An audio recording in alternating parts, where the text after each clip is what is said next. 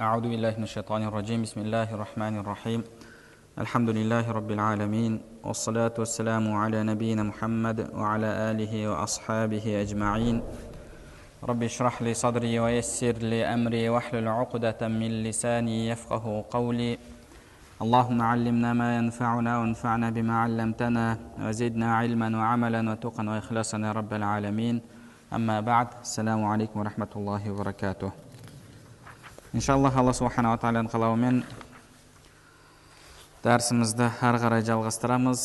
Біз сіздермен өткен дәрісте имам абу хамид ғазали улумиддин кітабы бойынша хұқуқул муслим яғни мұсылман адамның ақылары жайында яғни бір мұсылманның екінші мұсылманның алдындағы қандай міндеттері бар сол мәселелерді үйреніп жатқан болатынбыз.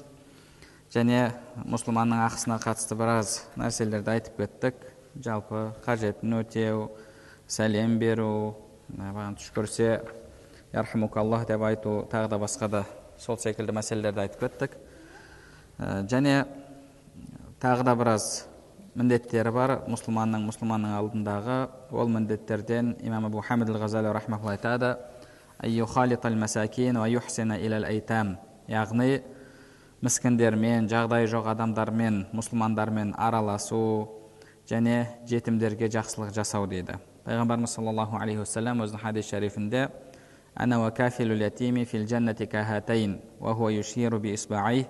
мені мен жетімге жағдай жасаушы адам екеуі жұмақта осылай болады деп пайғамбарымыз саллаллаху алейхи екі саусағын көрсеткен еді. Сол үшін де адам қолынан келгенше жағдайы жоқ мұсылмандарға көмектесуге тырысу керек. Және сондай ақ мұсылманның тағы бір міндеті яғни әрбір мұсылманға жақсылық ойлау әрбір мұсылманның жүрегіне қуаныш кіргізуге тырысу. Пайғамбарымыз саллаллаху алейхи уассалам өзінің хадис шарифінде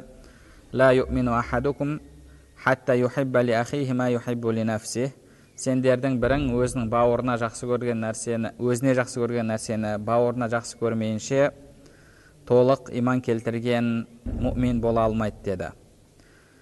Және сондай ақ тағы бір міндет ол мардахум яғни егер сырқаттанып ауырып қалатын болса барып көңілін сұрау. Барып көңілін сұрау. Имам абу хамид ғазали айтады барып көңілін сұрау үшін ол адамды тану және оның мұсылман болуы жеткілікті дейді. Яғни бойында осы екі сипат болатын болса онда ол адамның алдындағы біздің міндетіміздің бірі ауырған кезде барып жағдайын сұрау. Және зиярат қылған кезде зиярат етушінің әдептерінен хиффатул жилса яғни ұзағынан созып отырып алмау және азырақ сұрақ қою және сол өзінен бір жұмсақтықты байқату ол кісіге дұға жасау. Ә, ал енді сырқаттанып жатқан адамның әдептерінен біреу зиярат етіп келген кезде дейді яғни аз шағымдану. Себебі сіз қанша шағымданғаныңызбен ол адамның қолында еш нәрсе жоқ. Ол адамның қолынан еш нәрсе келмейді. Сол үшін де біз негізінде яқуб алейхисалам айтқандай мен өзім шағымымды аллаға арнаймын аллаға айтамын дегендей егер сіздің бір қажетіңіз болатын болса егер бір шағымыңыз болатын болса оны аллаху субханала тағалаға арнағаныңыз дұрыс болады. Өйткені имамдарымыз айтқандай сен саған анаңнан да мейірімді болғанды саған мейірімді болмаған немесе мейірімі анаңныңкіне жетпейтін адамдарға арнама дейді. Немесе бағанағы саған мейірімі анаңның мейірімінен күшті болғанның үстінен мейірімі азырақ болғанға шағым айтпа дейді. Яғни аллаху субханала тағала бізге аналарымыздан да мейірімді пайғамбар хадисінде келгендей. Енді келген кезде біреу зиярат етіп мынандай болып жатыр мынандай болып жатыр қиналып жатырмын ауырып жатырмын деген мұндай сөздерді айтқаныңызбен ол адамның қолында ешқандай бір сізге беретіндей ем шипа жоқ. Сол үшін де аллаға шүкір әйтеуір алладан шипа сұраймыз иншалла күнәларымызға каффарат болсын деп тілейміз деп адам осындай сөздерді айтуы керек. Мынандай болып жатыр мынандай болып жатыр деп бағанағы ауруының ауруын егжей тегжейлі айтып бұл мәселелерді қозғамаған негізі дұрыс болады. Бір ұстазымыз айтқан еді ғалым иншалла тақуа әулие кісілерден деп білетін бір кісіні зиярат еттік дейді. Қатты сырқаттанып жатқан кезде енді сырқаты ауыр болды. Барып зиярат жасап сұрақ қойған кезімізде жағдайыңыз қалай деп ол кісінің айтқан сөзі күллу махбубу махбуб деген сөзді айтты дейді. Осындай жақсы сөзді айтты. Яғни сүйікті болған сүйікті болғанның ісі де сүйікті деген осындай сөзді айтты дейді. Яғни алла субханала тағала мен үшін сүйікті ондай болатын болса оның әрбір ісі де мен үшін сүйікті деп осындай жақсы сөзді айтты дейді. Яғни адам шипаны алла субханала тағаладан сұрау керек. Және алланың ісіне разы болу керек. Келген адамдарға шағымданып жағдайын айтып ә, негізі ана қиналғанын көрсете беру дұрыс болмайды. Және сондай ақ ә, аллаху субханала тағалаға тәуекел етуі қажет. Одан кейінгі мұсылман адамның міндеті яғни мұсылман адамның жаназасына қатысу пайғамбарымыз саллаллаху алейхи уассалам хадис шарифінде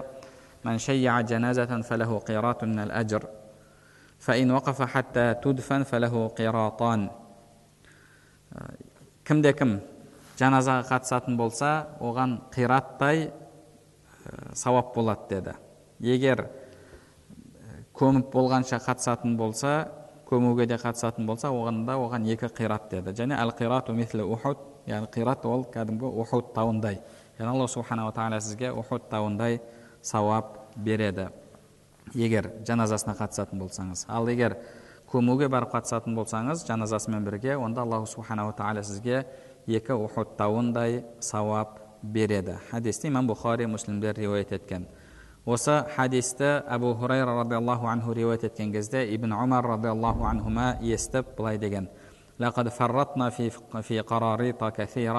көптеген қираттарды жіберіп алдық деген сөзді айтқан еді. Көбінесе біз онша көңіл бөле бермейміз. Фарз кифая ғой деп қараймыз. Бірақ аллаху субханаху тағала бізге сол істе осындай бір үлкен мол сауапты уәде еткен. Және барып көңіл айтушы адамның міндеті немесе әдебі барып көңіл айтқан кезде қайтыс болған адамның үйіне барып яғни өзінің қайғырып тұрғанын көрсету азырақ сөйлеу және күліп ол жерде бағанағы немесе күлдіретін бір сөздерді айтып мәжілісті отырысты әзілге айналдырмау бұл зиярат етуші немесе бағана көңіл айтушы адамның міндеті болып табылады. Бізде өкінішке орай қазіргі таңда жаназада адамдар әзіл айтып күліп тұрады. Қабірдің басында адам жерленіп жатқан кезде де күліп бұл дүниенің әңгімесін айтып біреулер темекісін шегіп тұрады. Омар радиаллаху анху қабірдің жанында тұрған кезде қатты жылайтын жылағаны соншалықты сақалы суланып кететін суланып кететін. Және ол кісі мынандай сөзді айтатын. Пайғамбарымыз саллаллаху алейхи уассаламның мен былай деген естідім.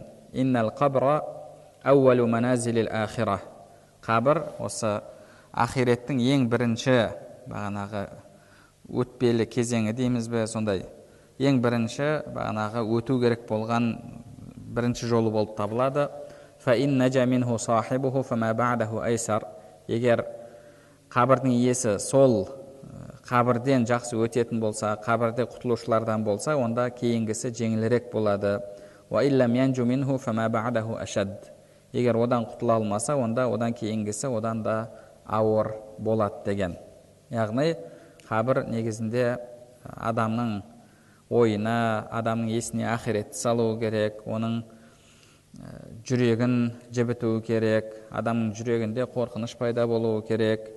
Және жалпы сол қабірді зиярат еткен кезде кісі жерленіп жатқан кезде қатысқан кезде және жалпы жаназаға қатысқан кезде адам бір ең бірінші кезекте өзінің есіне ақиретті түсіруге тырысуы керек. Бізде өкінішке орай қазіргі таңда мысалы адам қайтыс болып жатады мына жақта біреулер тамақ дайындап күліп әзіл әңгіме айтып жүреді. Мына жақта бір адамдардың жылап жатқаны болмаса тойдан той домалақтан ешқандай айырмашылығы жоқ өкінішке орай. Негізінде жаназа жалпы кісіні ақтық сапарға шығарып салу дінімізде ондай көріністе өтпеуі тиіс. Және сондай ақ адам қабір, қабірді зиярат еткен кезде және жаназаға қатысқан кезде негізі ертең өзінің де сол жағдайға түсетіндігін есіне алып сол күнге дайындық көруге тырысуы керек. Пайғамбарымыз саллаллаху алейхи вассалам сол үшін де қабірлерді зиярат етіңдер ол сендердің естеріңе ақиретті салады деді. Бір жағынан сіз сауап іздейсіз екінші жағынан бұл сіздің ертеңгі күнге дайындығыңызды күшейтуі керек. Және сондай ақ мұсылман адамның міндеті екінші бір мұсылманның алдындағы дүниеден өткеннен кейін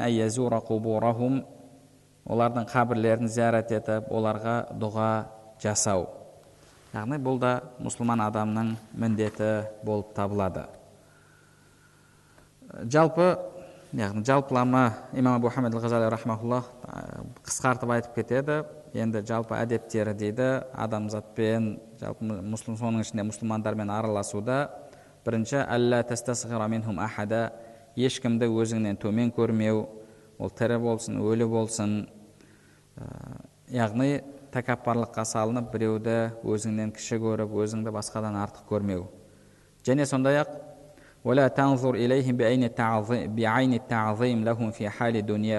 біреу бір адамға дүние біткен болса дүниесі үшін ол адамды ұлықтап сондай ол адамды көтермелеп ұлықтау көзімен қарама дейді. Дүние алла тағаланың алдында болмашы нәрсе болып табылады. Енді сол болмашы нәрсе үшін біреуді ұлықтау негізі дінімізде дұрыс емес. Және сондай ақ өзің дініңді құрбан етіп олардың дүниесіне қол жеткізуге тырыспа дейді. Олар біріншіден олардың көз алдында да сен бір кіші адам болып қаласың. Өйткені сен сондай кішірейіп тұрғаныңды соны дүние үшін алдында жалпақтап мәймөңкелеп жатқанын көрген кезде оның көз алдында да сен бір кішкентай адамға айналасың соңында саған бермеуі мүмкін. Яғни сен дүниеден де айырыласың және ақиреттен де айырыласың. Және сондай ақ имам абу хамид ғазали айтады уағызыңды қабылдамайтын уағызыңды тыңдамайтын адамға уағыз айтып уақытыңды сарп етпе дейді. Және сондай ақ уағыз айтқан кезде уағызың жеке адамға арналмасын дейді. Яғни жеке адамның атын атап пәленше түгенше деместен жалпылама айту керек. Және адамдармен араласқан кезде қателігіңді кешірмейтін егер сенен бір айып болатын болса айыбыңды жасырмайтын болмашы нәрсеге яғни бағана түймедей нәрсеге де сенімен есептесетін азға да көпке де көре алмаушылыққа түсетін адамдармен араласпа деді яғни бұл жалпы адамзатпен араласудың әдептері одан кейінгі имам абу хамид қарастырған мәселе бұл хуқуқул жиуар яғни көршінің ақылары деді көршінің ақылары оны да бұл жерде қысқартып айтқан жалпы бізде мұсылман мен мұсылманның арасындағы міндеттері бар. Ал енді ол мұсылман сіздің көршіңіз болатын болса тағы да қосымша оның міндеттері болады. Енді ол сіздің туысқаныңыз болатын болса тағы да қосымша. Яғни мысалы бір адам мұсылман сіздің туысқаныңыз сіздің туысқаныңыз мұсылман әрі көршіңіз. Онда ол адамның үш ақысы бар. Егер мысалы мұсылман болмаса туысқан көрші болатын болса екі ақысы бар. Егер мұсылман болмаса туысқан болмаса тек қана көрші болатын болса оның көршілік ақысы бар. Яғни жалпы дінімізде көршілік ақы бұл жеке қарастырылады өз алдына. Пайғамбарымыз саллаллаху алейхи уассалам өзінің хадис шарифінде жібрил көрші жайында көп өсиет айта берген соншалықты мен көрші мирас алушылардың қатарына кіріп қалады ма деп қорықтым деді яғни әлгі сіз дүниеден өткен кезде сіздің артыңыздан мұрагер болып сіздің дүниеңізді алатын адамдардың қатарына алла тағала кіргізіп қояды ма деп ойладым дейді. Және пайғамбарымыз саллаллаху алейхи уассалам тағы бір хадис шарифінде кімде кім аллаға қияметке иман келтірсе онда көршісін құрметтесін дейді бұхари, бұхари және муслимдер риуаят еткен және пайғамбарымыз саллаллаху алейхи уассалам имам бұхари риуаят еткен хадисте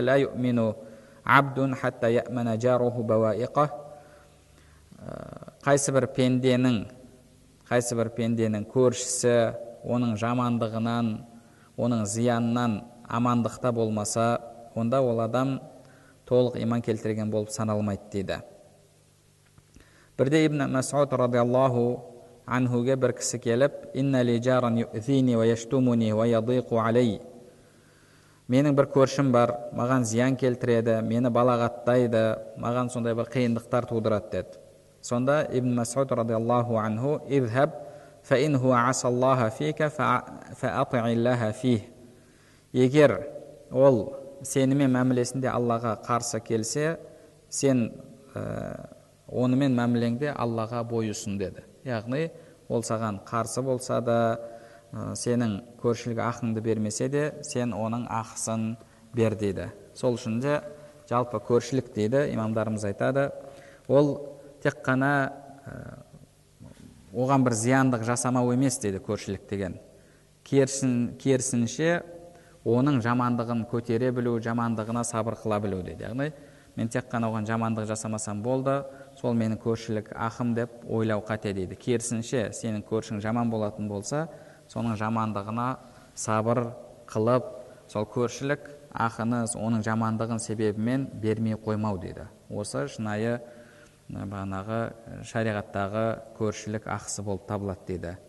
Және тек қана оның жамандығына сабыр қылумен шектелмеу керек дейді. Керісінше оған жұмсақ мәміледе болу керек жақсылық жасау керек дейді.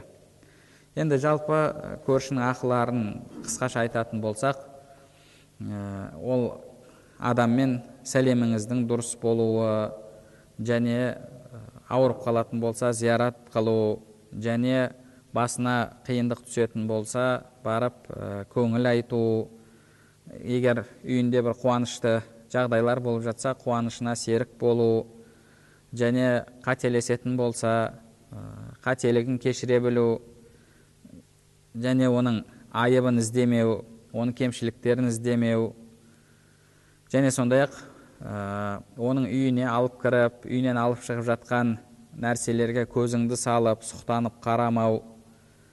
Яғни былайша айтқанда оның айыптарын көруде соқыр болу дейді. Бізде өкінішке орай адамдар көп жағдайда көршісін аңдып көршісіне бір нәрсе болып қалса соны үйіне келген адамдарға айтып мына біздің көршімізде көршімізде андай болып жатыр мынандай болып жатыр деп э, керісінше жамандап ғайбат айтып отырады. Негізі бұл көршілік ақыны бұзу болып табылады.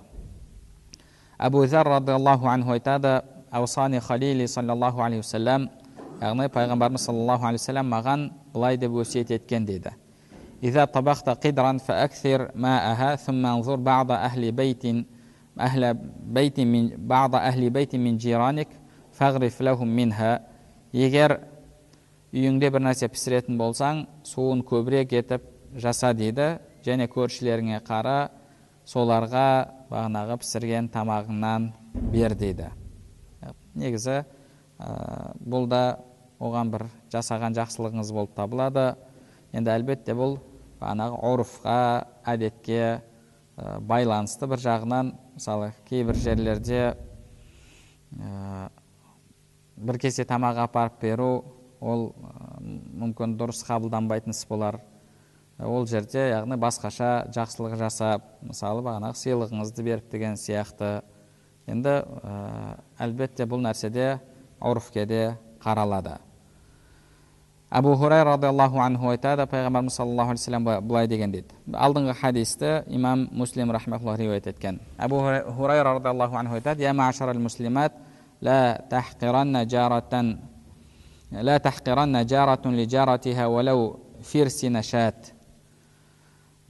көрші көрші әйелге қатысты айтады көрші әйелмен мәміледе еш нәрсені бір болмашы көрмесін дейді уәләу фирсинашат яғни әлгі қойдың тұяғы болса да дейді қойдың тұяғындай нәрсені де болмашы көрме дейді қолдан келгенше әрбір нәрседе жақсылық жасауға тырыс дейді одан кейінгі мұсылман адамның міндеттерінің бірі бұл өзінің туысқанының алдындағы міндеттері. Пайғамбарымыз саллаллаху алейхи вассалам айтады алла тағала айтты дейді. Рахман рахим шақақтуха мин исми мен рахманмын ал мынау рахим деп айтты дейді. рахим деген не? жалпы араб тілінде туысқандық қарым қатынасты сыйлай рахим дейді. сыйлай рахим сыйлатур рахим дейді. сыйлатур рахим яғни туысқандық қарым қатынасты үзбеу. араб тілінде сол туысқандық қарым қатынас дегенді рахим дейді. туысқандықты рахим дейді. Алла тағала айтты дейді. Мен рахманмын және туысқандықты алла тағала рахим деп атады. Яғни сол рахман мен рахим екеуінің түбірі бір дейді. Түбірі бір. Мен өзімнің атымнан бердім дейді. Туысқандық деген сөзге рахим деген осындай атауды бердім дейді.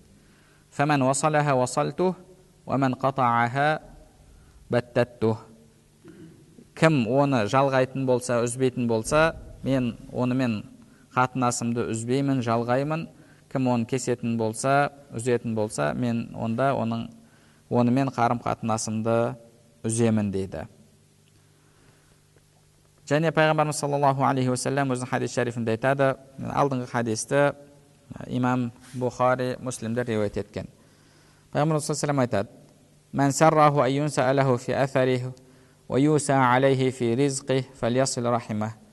Кімде кім өмірі ұзақ болғанын рызқының кең болғанын қаласа онда туысқандық қарым қатынасын үзбесін дейді имам бұхари және муслимдер риуаят еткен және пайғамбарымыз саллаллаху алейхи вассалам тағы бір хадисінде айтады туысқандық қарым қатынасты үзбеген адам бұл сізбен араласқан адаммен араласушы адам емес дейді сізбен араласпай кеткен адаммен араласу осы туысқандық қарым қатынасты үзбеу болып табылады деді. Ал енді араласқанмен араласу бұны кез келген адам орындайды. Яғни мынау адам келді мынандай берді енді мен де беруім керек деп мысалы мынанша алып келді ертең тойына мен де баруым керек мынанша беруім керек әлгі бергенінен аз қылмастан бұл жалпы күнделікті қарым қатынаста адамдардың арасында бар нәрсе. Ал енді туысқандық қарым қатынас дегеніміз бұл сізбен араласпай кеткен адамның өзімен араласу қарым қатынасты үзбеу болып табылады. Және жақсылық жасаған кезде де бірінші сол туысқандардан бастау. Әбу талха радиаллаху анху өзінің құрма бақшасын садақа етіп берген кезде пайғамбарымыз саллаллаху алейхи вассаламнан сұрады я расулаллах міне құранда алла тағала жақсы көрген нәрселеріңді алла жолында жұмсамайынша жақсылыққа жете алмайсыңдар деді. Мынау бақшам менің. Сондай бір жақсы көрген дүнием болып табылады. Осыны алла жолында садақа етіп беремін деді. Және қалаған жағың қалаған бағытта бұны өзің жұмсайсың деді. Сонда пайғамбарымыз саллаллаху алейхи уассалам сен бұны туысқандарыңа бер деді. Туысқандарыңа бер деп пайғамбарымыз саллаллаху алейхи уассалам жақсылықты бірінші туысқаннан бастау керек деген осы жерде айтқан еді. Ал енді туысқандардың ішінде туысқандығы өте жақын болған ең бірінші бұл сіздің ата анаңыз болып табылады. Ата анаңыз одан кейін сіздің бала шағаңыз. Бұлардың ақысы тағы ерекше дінімізде қарастырылған. Пайғамбарымыз саллаллаху алейхи уассалам бирра уммак ва абак анаңа жақсылық жаса әкеңе жақсылық жаса ва ухтака ва ахак әпке қарындасыңа аға ініңе жақсылық жаса деді. Кейін осылайша яғни жақыннан бастап ары қарай жақсылығыңды рет ретімен жасай бер деді. Хадисті имам насаи имам ахмад имам хакимдер риуаят еткен. Және имам бұхари муслимдер риуаят етеді бір кісі пайғамбарымыз саллаллаху келіп менің жақсы мәміледе болуыма ең лайықты адамдар кім деген кезде пайғамбарымыз саллаллаху алейхи вассалам уммук сумма уммук сумма уммук сумма абук анаң анаң анаң деді үш рет анаң сосын анаң сосын анаң сосын әкең деді және имам муслимде тағы да қосымша келеді сумма аднака аднак кейін осылайша ары қарай тағы да жақынырақ болған тағы да жақынырақ болған деп пайғамбарымыз саллаллаху бізге осылай яғни рет ретімен мәселені қарауды үйретті. Әлбетте бұл жерде енді жақсылық жасау мәселесінде ә, мысалы зекет деген секілді сіздің беруіңіз міндетті болған нәрселерде оны ата анаңызға бала шағаңызға бере алмайсыз. Яғни сіз кімнің киімі үшін ішіп жеуі үшін жауапты болатын болсаңыз онда оларға зекетіңізді бағанағы пітір садақаңызды сондай нәзір еткен садақаңызды немесе кафаратыңызды бере алмайсыз. Неге өйткені егер сіз оларға беретін болсаңыз онда бұл өзіңізге бергеніңіз болып табылады. Неге өйткені сіз оларға ақша жұмсауға олардың жағдайын жасауға міндеттісіз. Сіздің берген ақшаңыз былайша айтқанда қайтадан өзіңізге қайтып келіп жатыр. Сіз олардың тамағына киіміне бағана баспанасына жауапты болмаған адамдарға беруіңіз керек. Ал енді бірақ жалпы туысқандық қарым қатынас жақсы мәміле деген кезде әлбетте ең бірінші орында сіздің анаңыз тұрады. Кейін әкеңіз кейін ә, солар арқылы бағанағы жақын болған сіздің туысқандарыңыз ары қарай кете береді. ә, Э, мәлік ибн рабиа айтады біз пайғамбарымыз саллаллаху алейхи уассаламның алдында отырған кезімізде дейді радиаллаху анху. Э, Бір кісі келді дейді. Бәни сәләмә сәләмә деген тайпадан я расулаллах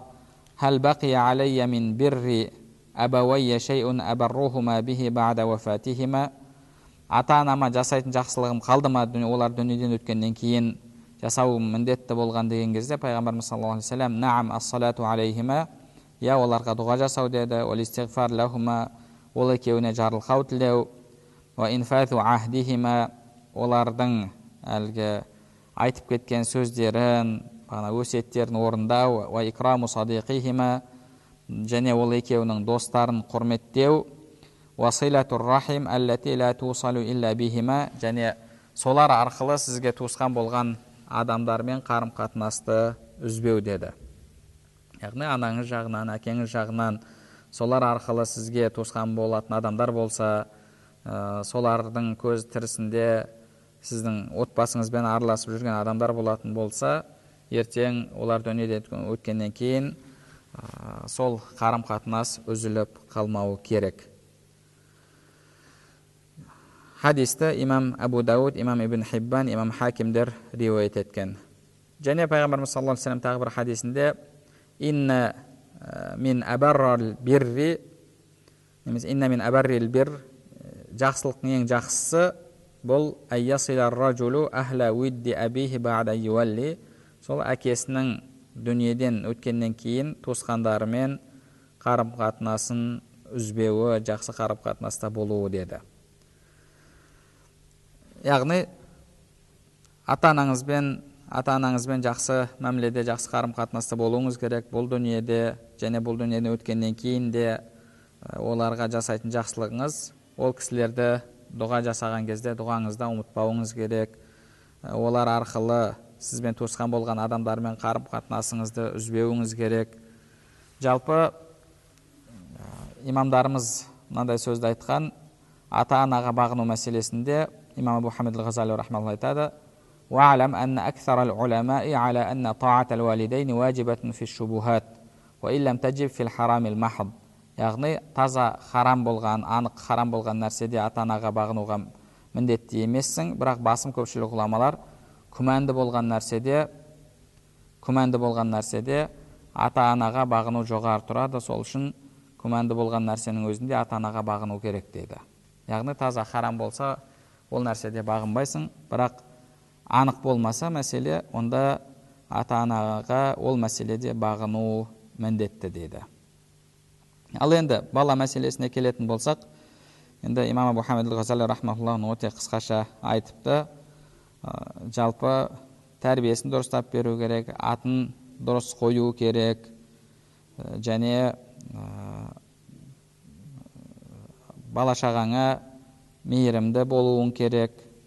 Ақра ибн хабис деген кісі айтады пайғамбарымыз саллаллаху алейхи вассаламды ол кісі көрді яғни пайғамбар саллаллаху сол хасанды сүйіп жатқанын көрген кезде иннали ашара минал уалад менің он балам бар минхум олардың бірінде олардың бірінің де бетінен сүйген емеспін деді яғни қарап отыратын болсаңыз өте қызық нәрсе енді бұл жерде баланы жақсы көру баланың бетінен сүю негізі бір шариғатты дінді діндегі бір нұсқауды қажет ететін нәрсе емес. Негізінде адамның табиғатында бар дүние болып табылады баласына деген махаббат. Бірақ бұл кісі балаларының мүлдем бетінен сүймеген екен. Сонда пайғамбарымыз саллаллаху алейхи вассалам кім мейірімді рақымды болмаса мейірімге рақымға рақымшылыққа ілінбейді деген сөзді айтқан яғни ол адам алланың мейірімінен алланың рақымынан құр қалады деді. Басқа бір хадисте пайғамбарымыз саллаллаху енді алла тағала жүрегіңнен мейірімділікті алып тастаған болса не істейін деген сөзді айтқан еді. Абдулла ибн шаддад радиаллаху анху айтады пайғамбарымыз саллаллаху алейхи вассалам адамдармен намаз оқып жатқан кезде хусейн радиаллаху анху келіп мойнына мініп алды деді. Сәждеде тұрған кезінде пайғамбарымыз саллаллаху алейhi сәждеде ұзағынан тұрды деді бір нәрсе болып қалды ма деп мұсылмандар ойланып қалды деді намазын бітіргеннен кейін пайғамбарымыз саллаллаху алейхи вассаламға сахабалар сәждені ұзағынан жасадың ғой о алланың елшісі деген кезде яғни біз бір нәрсе болып қалды ма деп ойладық деді пайғамбарымыз саллаллаху сол кезде айтты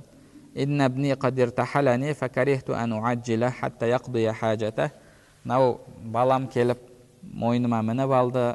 Мен оны бана асығып түсіріп тастауды қаламадым дейді.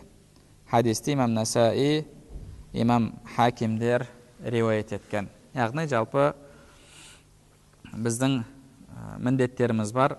Туысқандарымыздың алдында бірінші мұсылмандардың алдында көршілердің алдында және одан кейін ерекше міндеттеріміз туысқандарымыздың алдында. Сол туысқандардың ішінде ең жақыны бірінші ата анаңыз және одан кейін бала шағаңыз. Олардың алдында да сіздің міндеттеріңіз бар. Сол міндеттердің бәрін орындауыңыз қажет. Орындауыңыз керек. Ә, сол міндеттерді орындайтын болсақ біз мұсылмандардың ақысын берген болып табыламыз. Осымен ә, жалпы мұсылман адамның міндеттеріне қатысты тақырыбымыз ә, бітеді. سبحانك اللهم وبحمدك أشهد أن لا إله إلا أنت أستغفرك وأتوب إليك.